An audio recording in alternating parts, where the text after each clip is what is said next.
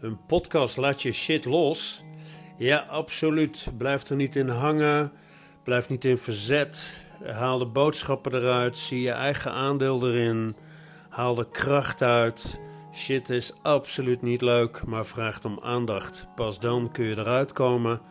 Pas dan kan het je bekrachtigen. En pas dan kun je gaan leven vanuit kracht, passie en liefde.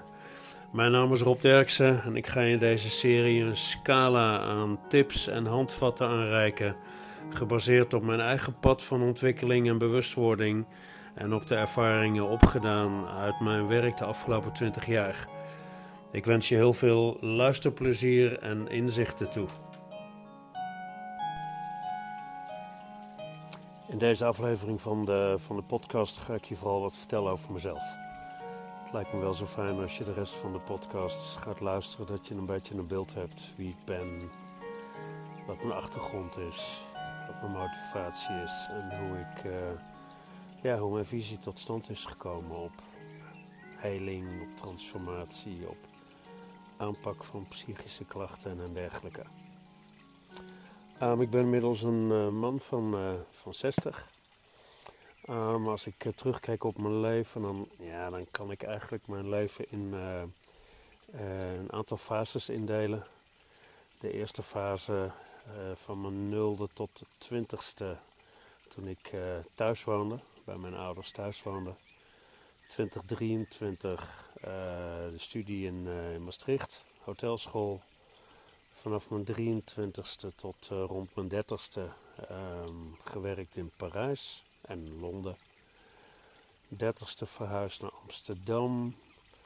Uh, gewerkt voor een groot bedrijf. Uh, rond mijn 40ste burn-out gegaan. En eigenlijk vanaf mijn 40ste totale ommekeer. Uh,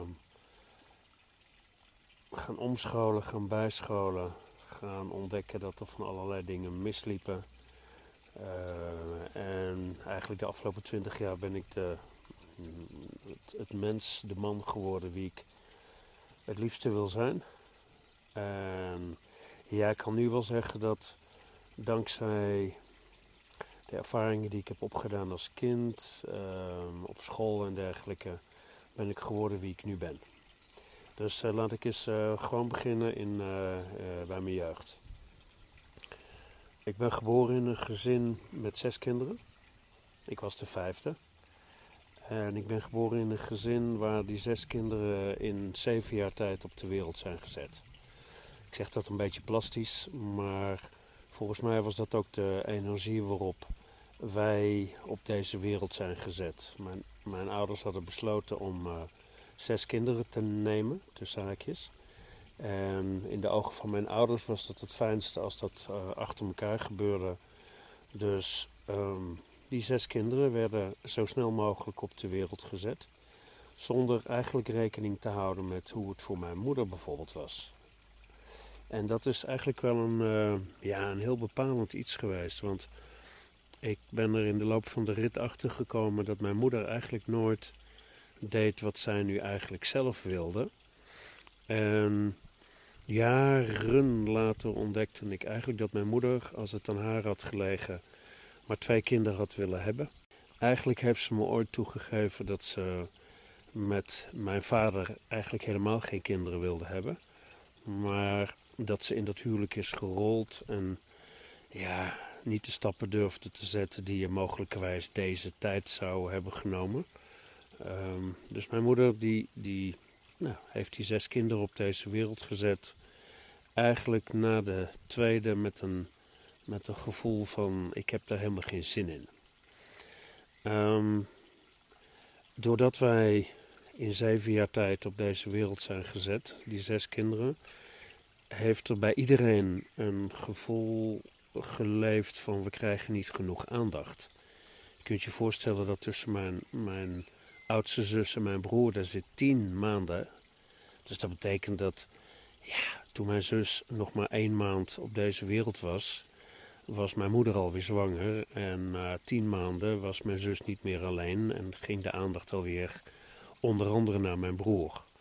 En het is echt heel frappant om te zien welk impact dat heeft uh, tussen ons allemaal. Als ik nu kijk naar hoe wij met elkaar altijd zijn omgegaan, de kinderen, dan was dat altijd met jaloezie. Ehm, eh, altijd op een manier dat we bang waren dat de een meer kreeg dan de ander. Uh, de heerste, zoals ik het heb ervaren, veel, veel afgunst, veel, um, veel ruzie, veel haat en nijd onderling. En nu dat ik dit werk doe, kan ik zien dat dat eigenlijk alleen maar voortkwam uit jaloezie, een gebrek aan aandacht, een gebrek aan tijd, een gebrek aan ruimte. Um, wat natuurlijk voortkwam onder andere uit het feit dat mijn moeder niet tegen mijn vader heeft gezegd: Huub, um, even wachten. Het is veel te veel om weer zwanger te raken en um, weer een kind op deze wereld te zetten. Uh, dus dat ging eigenlijk gewoon tussen haakjes maar door. Maar goed, ik was de vijfde. Um, in een gezin waar al veel spanning uh, hing. En een frappant detail waar ik nu gelijk aan denk is, ik heb in de baarmoeder heb ik me zo ongelooflijk rustig gehouden en teruggetrokken en klein gemaakt en rekening gehouden met mijn moeder, dat dat eigenlijk een enorm thema in mijn leven is geworden. In de baarmoeder voelde ik al dat mijn moeder eigenlijk helemaal geen kind meer wilde. En dat zij zich niet happy voelde. Dus ik ben in de modus gekomen zo min mogelijk storen, um, zo goed mogelijk doen wat zij verwacht, um, zo min mogelijk last bezorgen. En dat is eigenlijk in mijn, thema, in mijn leven is dat een enorm groot thema geweest. Altijd gefocust op de ander, altijd een ander proberen een plezier te doen. Um, volledig mezelf wegcijferen. Wat moeder dus eigenlijk ook deed. Heel frappant. Fysiek heeft dat zelfs ook een, uh, dat is wel een leuk detail om te vertellen. Ik heb twee ingeduikte ribben en een borstkas die naar voren staat. En wat blijkt nu? Ik heb in de baarmoeder blijkbaar mezelf zo klein gemaakt dat uh, ik ben echt opgerold geweest in haar baarmoeder. Uh, het blijkt ook dat zij pas na 4,5, 5 maanden door had dat ze zwanger was. Moet je nagaan. Uh, zo klein maakte ik me. Zo niet verbonden was zij met me. Um, dat door dat klein maken, door dat opgerold zitten, is letterlijk mijn borstkas, mijn ribben zijn om mijn ellebogen gegroeid. Daar is die borstkas, uh, die kippenborst dus uiteindelijk uit ontstaan. En het thema durf ik ruimte in te nemen, is ook op alle fronten uh, mijn hele leven lang een thema geweest. Als ik te veel ruimte inneem, dan ben ik vervelend. Of als ik te veel ruimte inneem, dan stoor ik de ander. En dat is, na mijn burn-out, is dat echt wel een thema geweest waar ik hard aan heb moeten werken. Um, om die overtuiging, ik mag geen ruimte innemen, om die te gaan transformeren. Goed, ik werd geboren.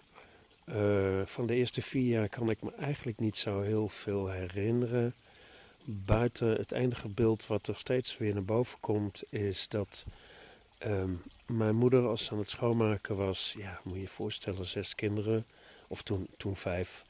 Um, uh, maar mijn zus, mijn zusje, de, de, laatste, die kwam er eigenlijk al heel snel achteraan. Als mijn moeder natuurlijk het huishouden moest doen, dan moest dat zo snel mogelijk. Uh, en geen kinderen in de weg. dus dan zetten zij in de winter zelfs zetten ze gewoon de box buiten. Weer of geen weer. Ja, behalve als het, als het regende of sneeuwde. Maar ook al was het koud, dan zetten ze gewoon de box buiten. En deels, deels is dat natuurlijk een soort van, oké, begrijpelijk. Maar als ik het beeld zie van dat manneke in die box, uh, die gewoon in zijn eentje daar buiten staat, dan is dat een gevoel, als ik daarop terugkijk, is het een gevoel van ik voel me verloren. Ik voel me in de steek gelaten. Ik voel me opzij gezet. En ook dat is weer een thema wat ik heel lang heb gevoeld in mijn leven. Dus tussen mijn nulde en mijn vierde eigenlijk niet zo heel veel herinnering. En vanaf mijn vierde, wat er vooral gebeurde was, um, ik begon heel erg te stotteren. Uh, nu achteraf gezien begrijp ik dat het stotteren vooral voortkwam uit de angst die ik had voor mijn vader. Mijn vader was een hele strenge, dominante man die vanuit absoluut de beste intentie alles van zijn kinderen, ja, ik noem het nu even eiste. Het klinkt heel, heel hard, en, uh, maar zo heb ik het toen wel ervaren. Hij wilde dat je deed wat hij wilde en op de manier waarop hij dat wilde. Dat betekende dat ja, je moest eigenlijk doen wat hij wilde. Hij dulde weinig tegenspraak. Um, dus letterlijk heb ik mij als kind onderdrukt gevoeld. Dat wat ik wilde zeggen, dat mocht er niet uitkomen. Um, mijn vader die had ook vaak een stemverheffing, waardoor ik me onderdrukt voelde. Alles wat er bij mij in zat en eruit wilde, ja, dat gevoel kreeg ik dat daar geen ruimte voor was. Dus het bleef letterlijk in mijn keel steken. En daar is bij mij dat stotteren ook door ontstaan. En ja, dat heeft een gigantisch impact gehad, het stotteren. Ik durfde geen vriendschappen te maken, ik durfde me niet te mengen in communicatie, ik durfde mijn mening nergens te geven, ehm, ik durfde niet spontaan mee te doen op school bijvoorbeeld. Ik werd erdoor uitgelachen, nou ja, enzovoort. Dat, dat hele thema stotteren, dat is, poef, heftig, heftig thema geweest.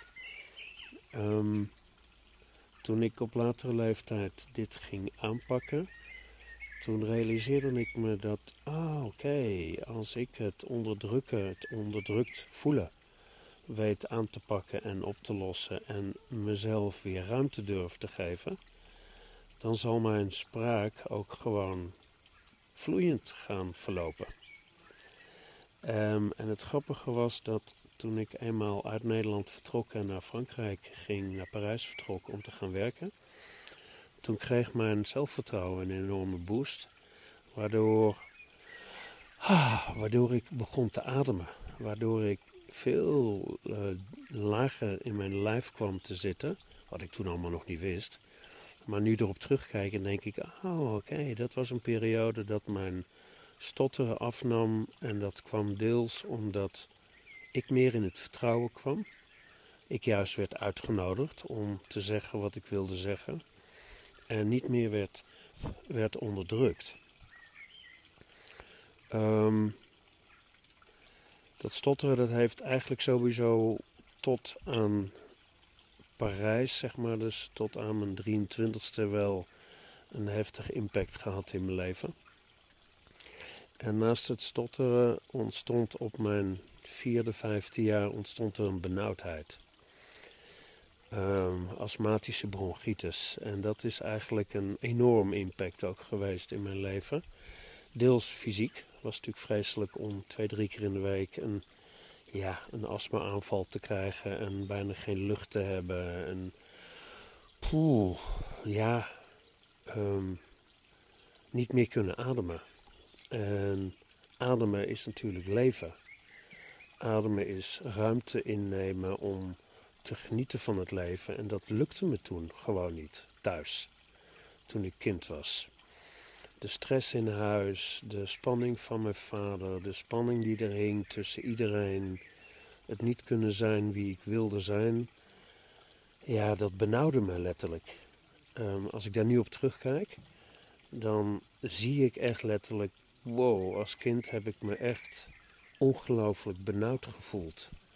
Benauwd in die situatie, benauwd in dat huis, benauwd om voor mijn mening uit te komen, benauwd om een plek in te nemen. Dus volledig begrijpelijk dat mijn uh, uh, longen echt klachten gingen vertonen en ik astmatische bronchitis ging, ging ontwikkelen. Doordat ik zoveel benauwdheid had, en mijn moeder zich daar natuurlijk grote zorgen om maakte en het vreselijk vond voor me, kreeg ik, als ik dan zo'n benauwdheid had, kreeg ik meer aandacht tussen haakjes. Laat Robbie maar, want die is benauwd.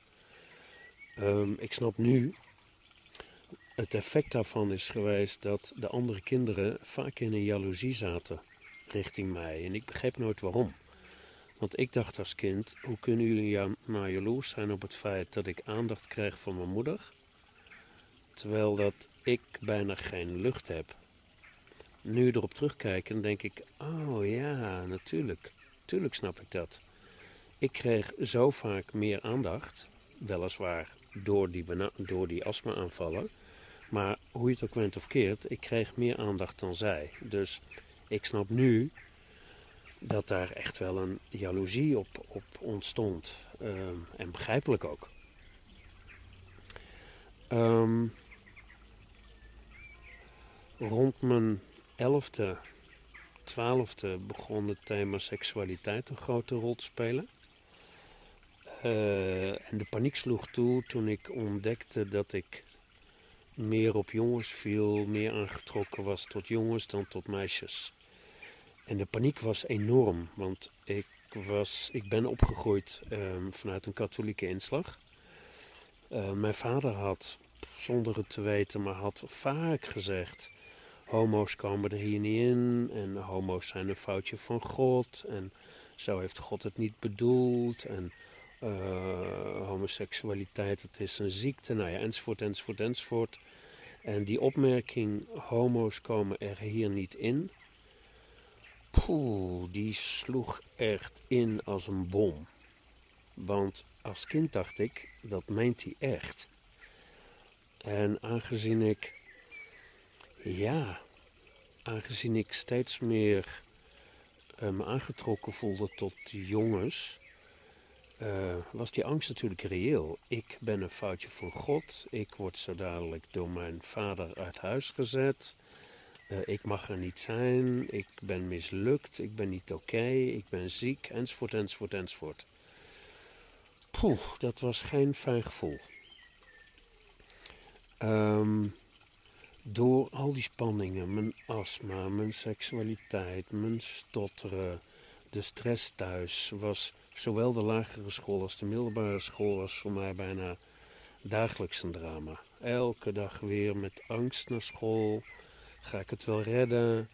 Lukt het me wel? Het lukte me echt helemaal niet om me te concentreren. Het lukte niet om, uh, om huiswerk te maken. Of het lukte niet goed, laat ik het zo zeggen. Uh, het kostte me echt heel, heel veel moeite.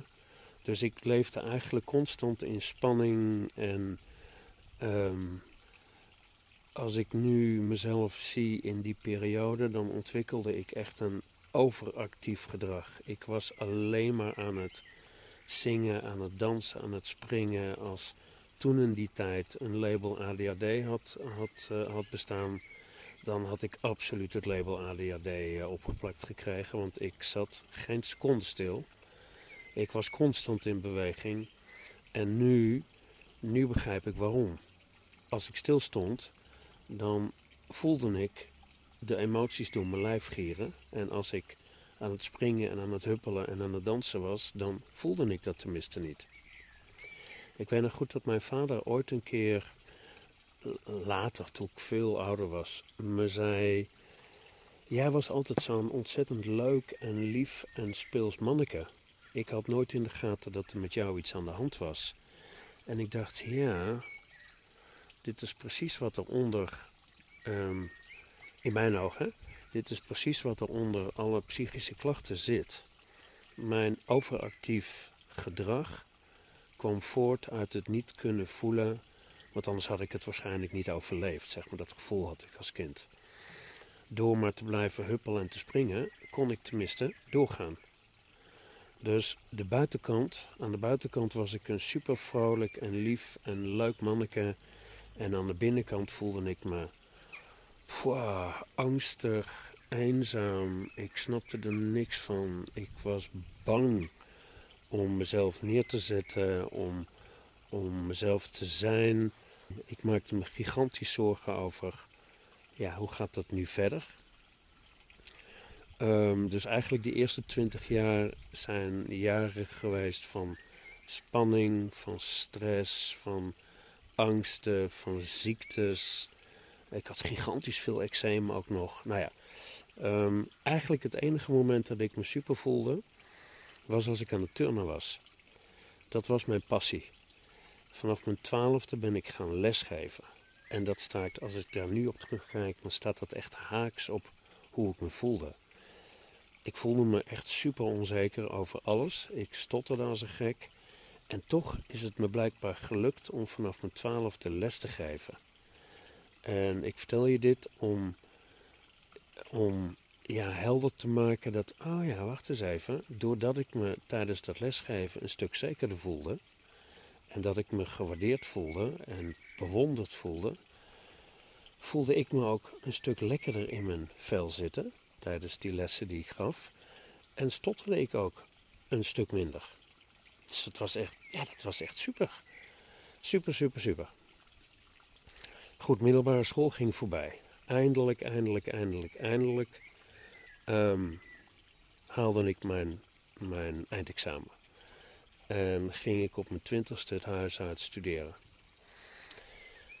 Dat was de, het eerste moment in mijn leven. Ik weet het nog supergoed als de dag van gisteren. Ik kwam aan in Maastricht. Um, hotelschool, um, intern, alleen maar leuke mensen om me heen.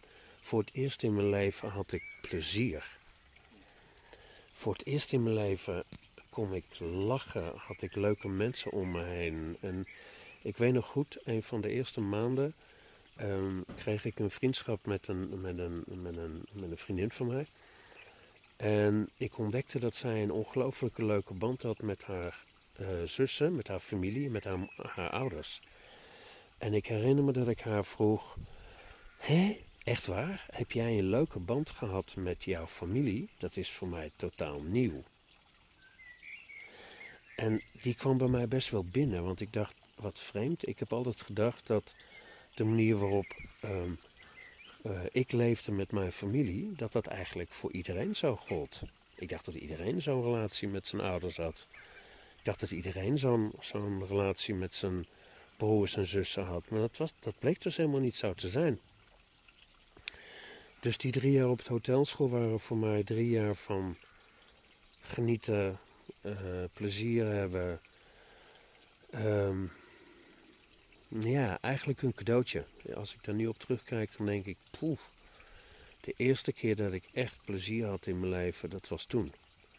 Dus dat was absoluut een cadeautje. Maar toen die studie voorbij was, toen moest ik natuurlijk gaan beslissen, ja wat nu? Ik weet nog goed, uh, met de beste vrienden aan het eind van die studie zijn we op vakantie gegaan. En een van de laatste dagen van die vakantie besloot ik, ik ga naar Parijs toe.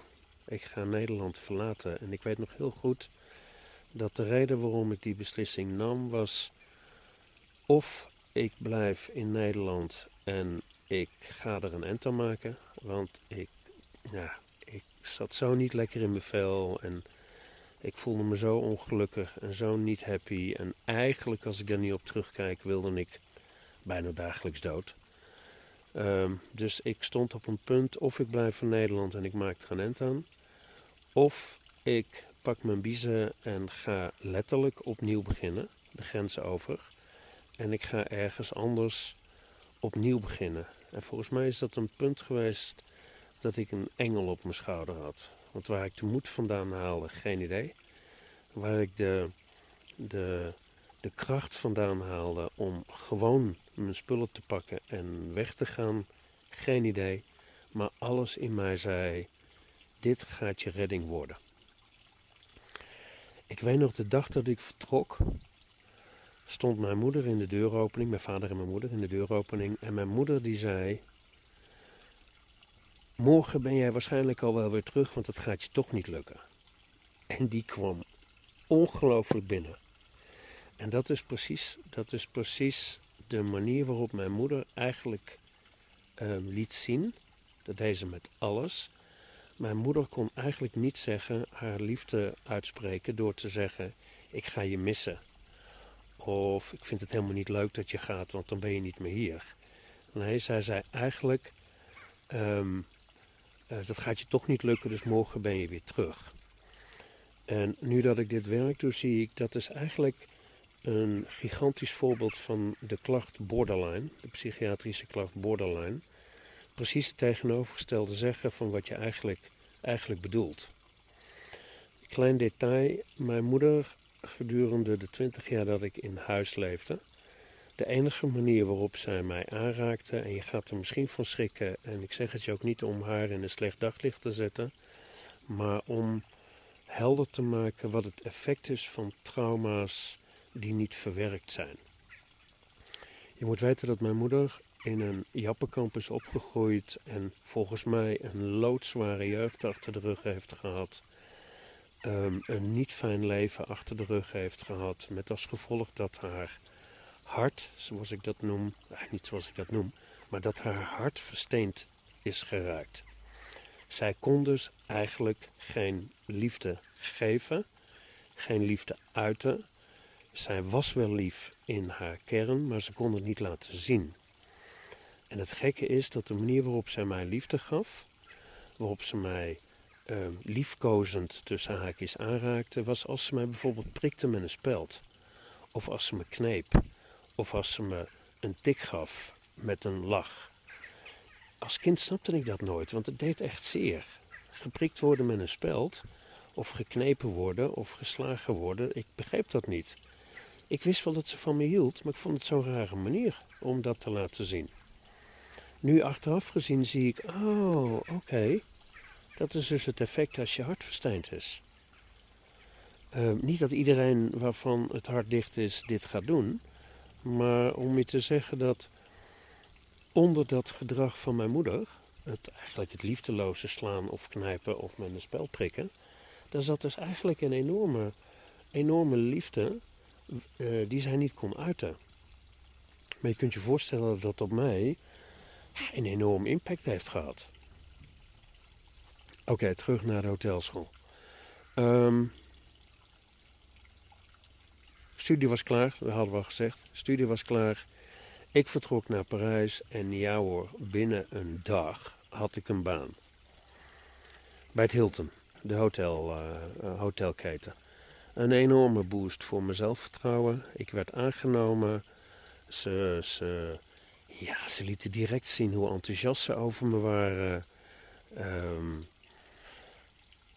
ja, super, super, super, super, super. Diep van binnen natuurlijk nog steeds een gevoel van leegte en van eenzaamheid. En, maar het feit dat ik werd aangenomen en dat ze me wilden en dat ze me lieten, lieten voelen, je bent waardevol, dat gaf mij een enorme kracht om door te gaan, om er wat van te maken.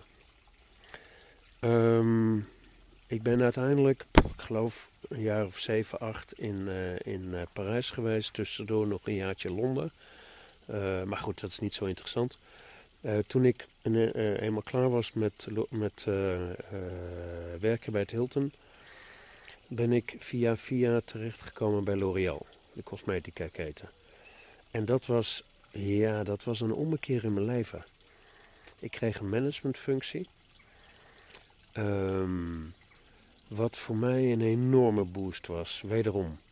In, in ze zien me, ze waarderen me.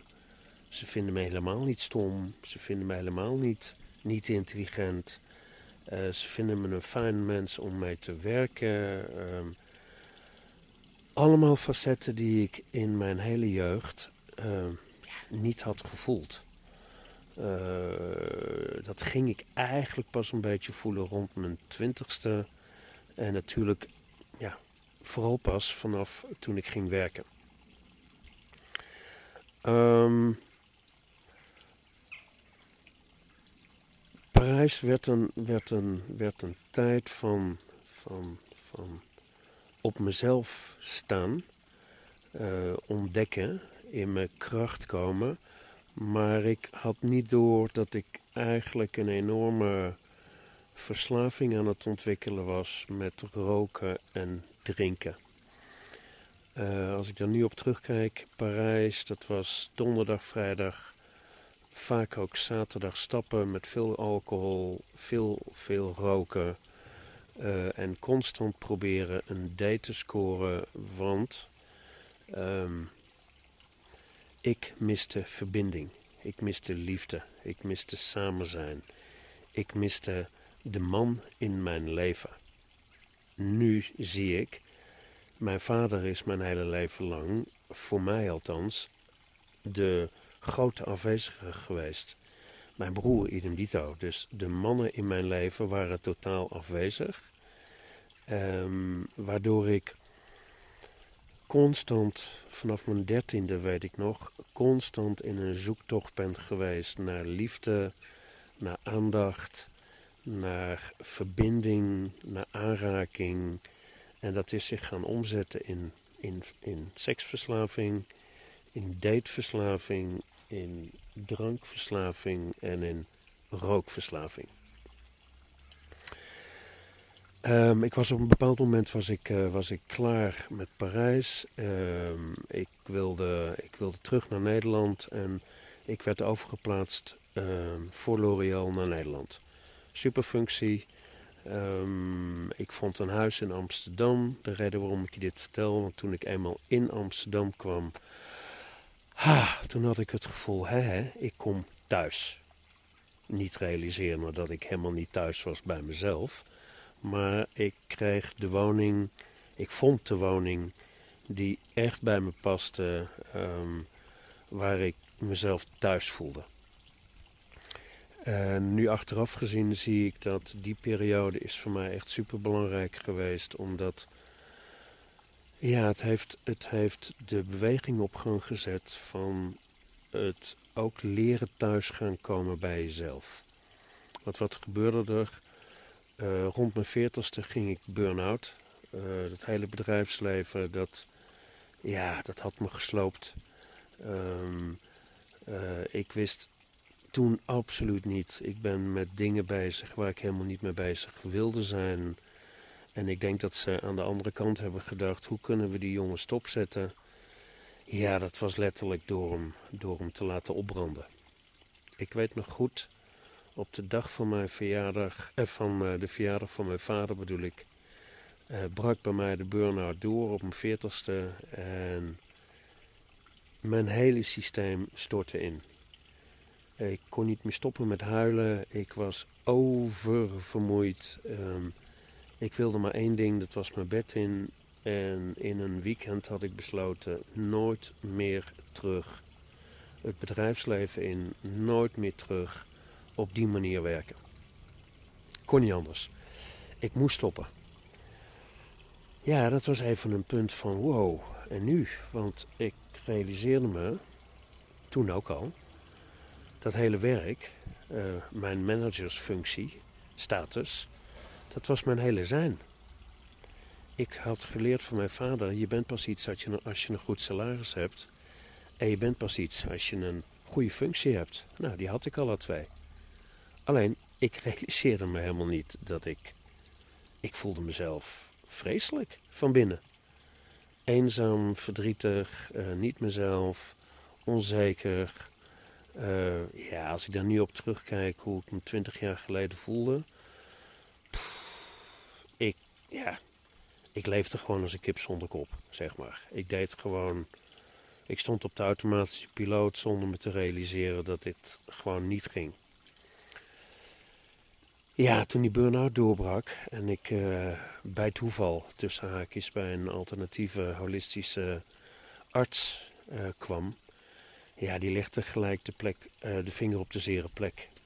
Ja, je zit vol met trauma's, je zit vol met angsten, je doet totaal niet waar je, waar je, waar je hart ligt, je doet totaal niet wat je het liefste zou willen je hele leven eh, wordt geleefd voor je in plaats van dat jij het leven leeft wat je wilt. Jouw psychische klachten, je depressie, je borderline-achtige gedragingen, je verslavingen, die komen daar allemaal uit voort. En het wordt tijd dat je met jezelf aan de slag gaat. En het wordt tijd dat je dingen eens onder de loep gaat nemen. Dat je gaat helen, dat je gaat werken aan jezelf. Voor mij totaal nieuw. Ik wist eigenlijk niet waar hij het over had. Wat betekent dat dan? Maar iets in me zei: het klopt wel wat hij zegt. Dus ik ben uh, wat workshops gaan doen, um, ik ben boeken gaan lezen en dat heeft eigenlijk mijn hele proces van ontwikkeling, bewustwording, heling op gang gebracht, uh, in beweging gezet. Uh, en direct na de eerste paar workshops voelde ik al, oh, oké, dit is het. Deze wereld, daar wil ik, daar wil ik in functioneren. Um, in één keer werd het me helder, ik wil de sociaal-maatschappelijke kant op.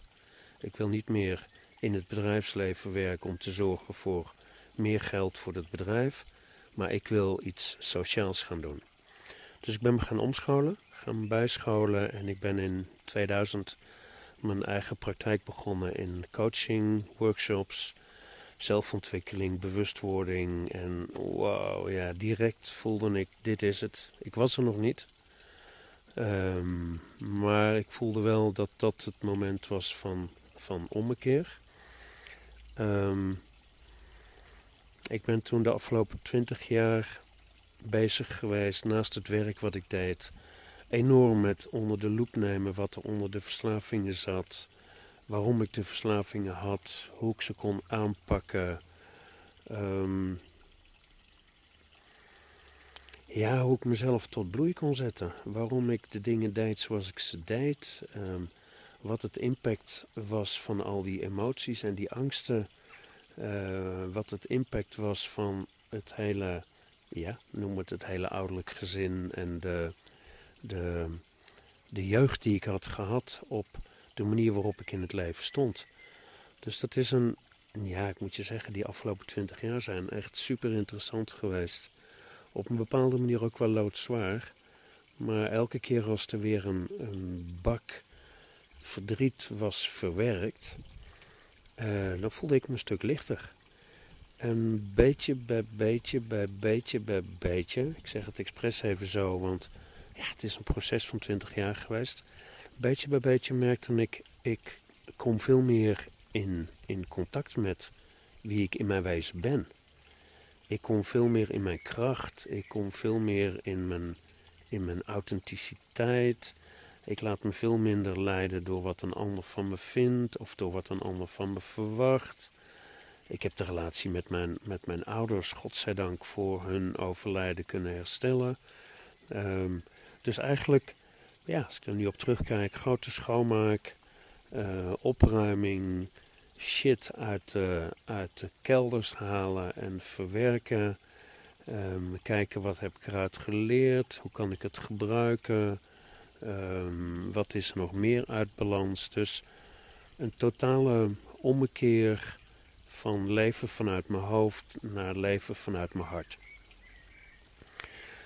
Um, al het werk wat ik op mezelf heb gehad, dus ook alles wat ik heb ervaren in mijn jeugd en Um, de gebeurtenissen die ik heb meegemaakt, die hebben geleid tot, tot mijn visie op hoe kun je psychische klachten aanpakken. Uh, hoe kijk ik tegen psychische klachten aan? Uh, hoe pak je verslavingen aan?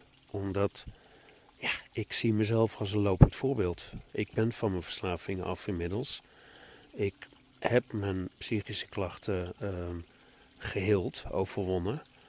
Um, ik doe inmiddels het werk waar ik echt blij van word. Uh, ik sta in mijn plezier. Ik leef veel meer vanuit plezier. Natuurlijk zijn er nog steeds wel momenten dat ik denk, boh, vreselijk. Uh, uh, maar dat is niet meer te vergelijken met hoe het, hoe het was. Het blijft een proces van ontwikkelen en ontdekken. Maar kan je zeggen, dit is een pad wat ik nooit had willen missen. En ja, het is mijn passie geworden om anderen uh, te ondersteunen en te begeleiden op hun pad van, van ontwikkeling, van heling, van transformatie, uh, van persoonlijke groei. Um, sinds ik dit werk doe, nou, heb ik, heb ik een, een, groot aantal workshops gegeven, lezingen gegeven. Die hebben geresulteerd in twee boeken. Bekijk ze eens als mensen en De Overwinning. Beide boeken die kun je op mijn website vinden. Uh, er staat ook een in inkijkexemplaar in uh, of op. En beide boeken zullen je in beweging zetten, zullen je bewust maken uh, wie je bent, waarom je de dingen doet die je doet. En ik geef daar ook een scala aan handvatten hoe je, hoe je, hoe je meer vanuit jezelf kunt gaan leven en jezelf kunt overwinnen, je klachten kunt overwinnen. Um, ja, dit was het eigenlijk wat ik over mezelf wilde vertellen. Mocht je meer over me willen weten of mocht je in contact willen komen, ik zou zeggen, um, ga eens naar de website www.robderksen.nl aan elkaar. Um, abonneer je op deze podcast als je dit een fijne podcast vindt. En als je meer wil weten over uh, mijn visie en hoe ik tegen dingen aankijk. Ik zou het super vinden als je anderen zou willen tippen voor deze, voor deze podcast en voor mijn boeken en mijn werk. Omdat ik geloof dat we in een uh, tijd leven waarin het echt bevorderlijk zou zijn als heel veel mensen uit hun hoofd en in hun hart komen. Hun trauma's gaan verwerken, hun shit gaan loslaten en van hun shit hun kracht gaan maken. Uh, voor nu dankjewel voor het luisteren. Ik hoop dat ik je wat heb kunnen inspireren. Ik hoop dat ik je nou, misschien wat moed heb kunnen geven. Dat, het, uh, um, dat iedereen bij zijn kracht kan komen. Dat iedereen een, uh, een super liefdevolle, krachtige, gepassioneerde ziel van binnen in zich heeft. Die uh, om aandacht vraagt en die getransformeerd wil worden. Tot de volgende.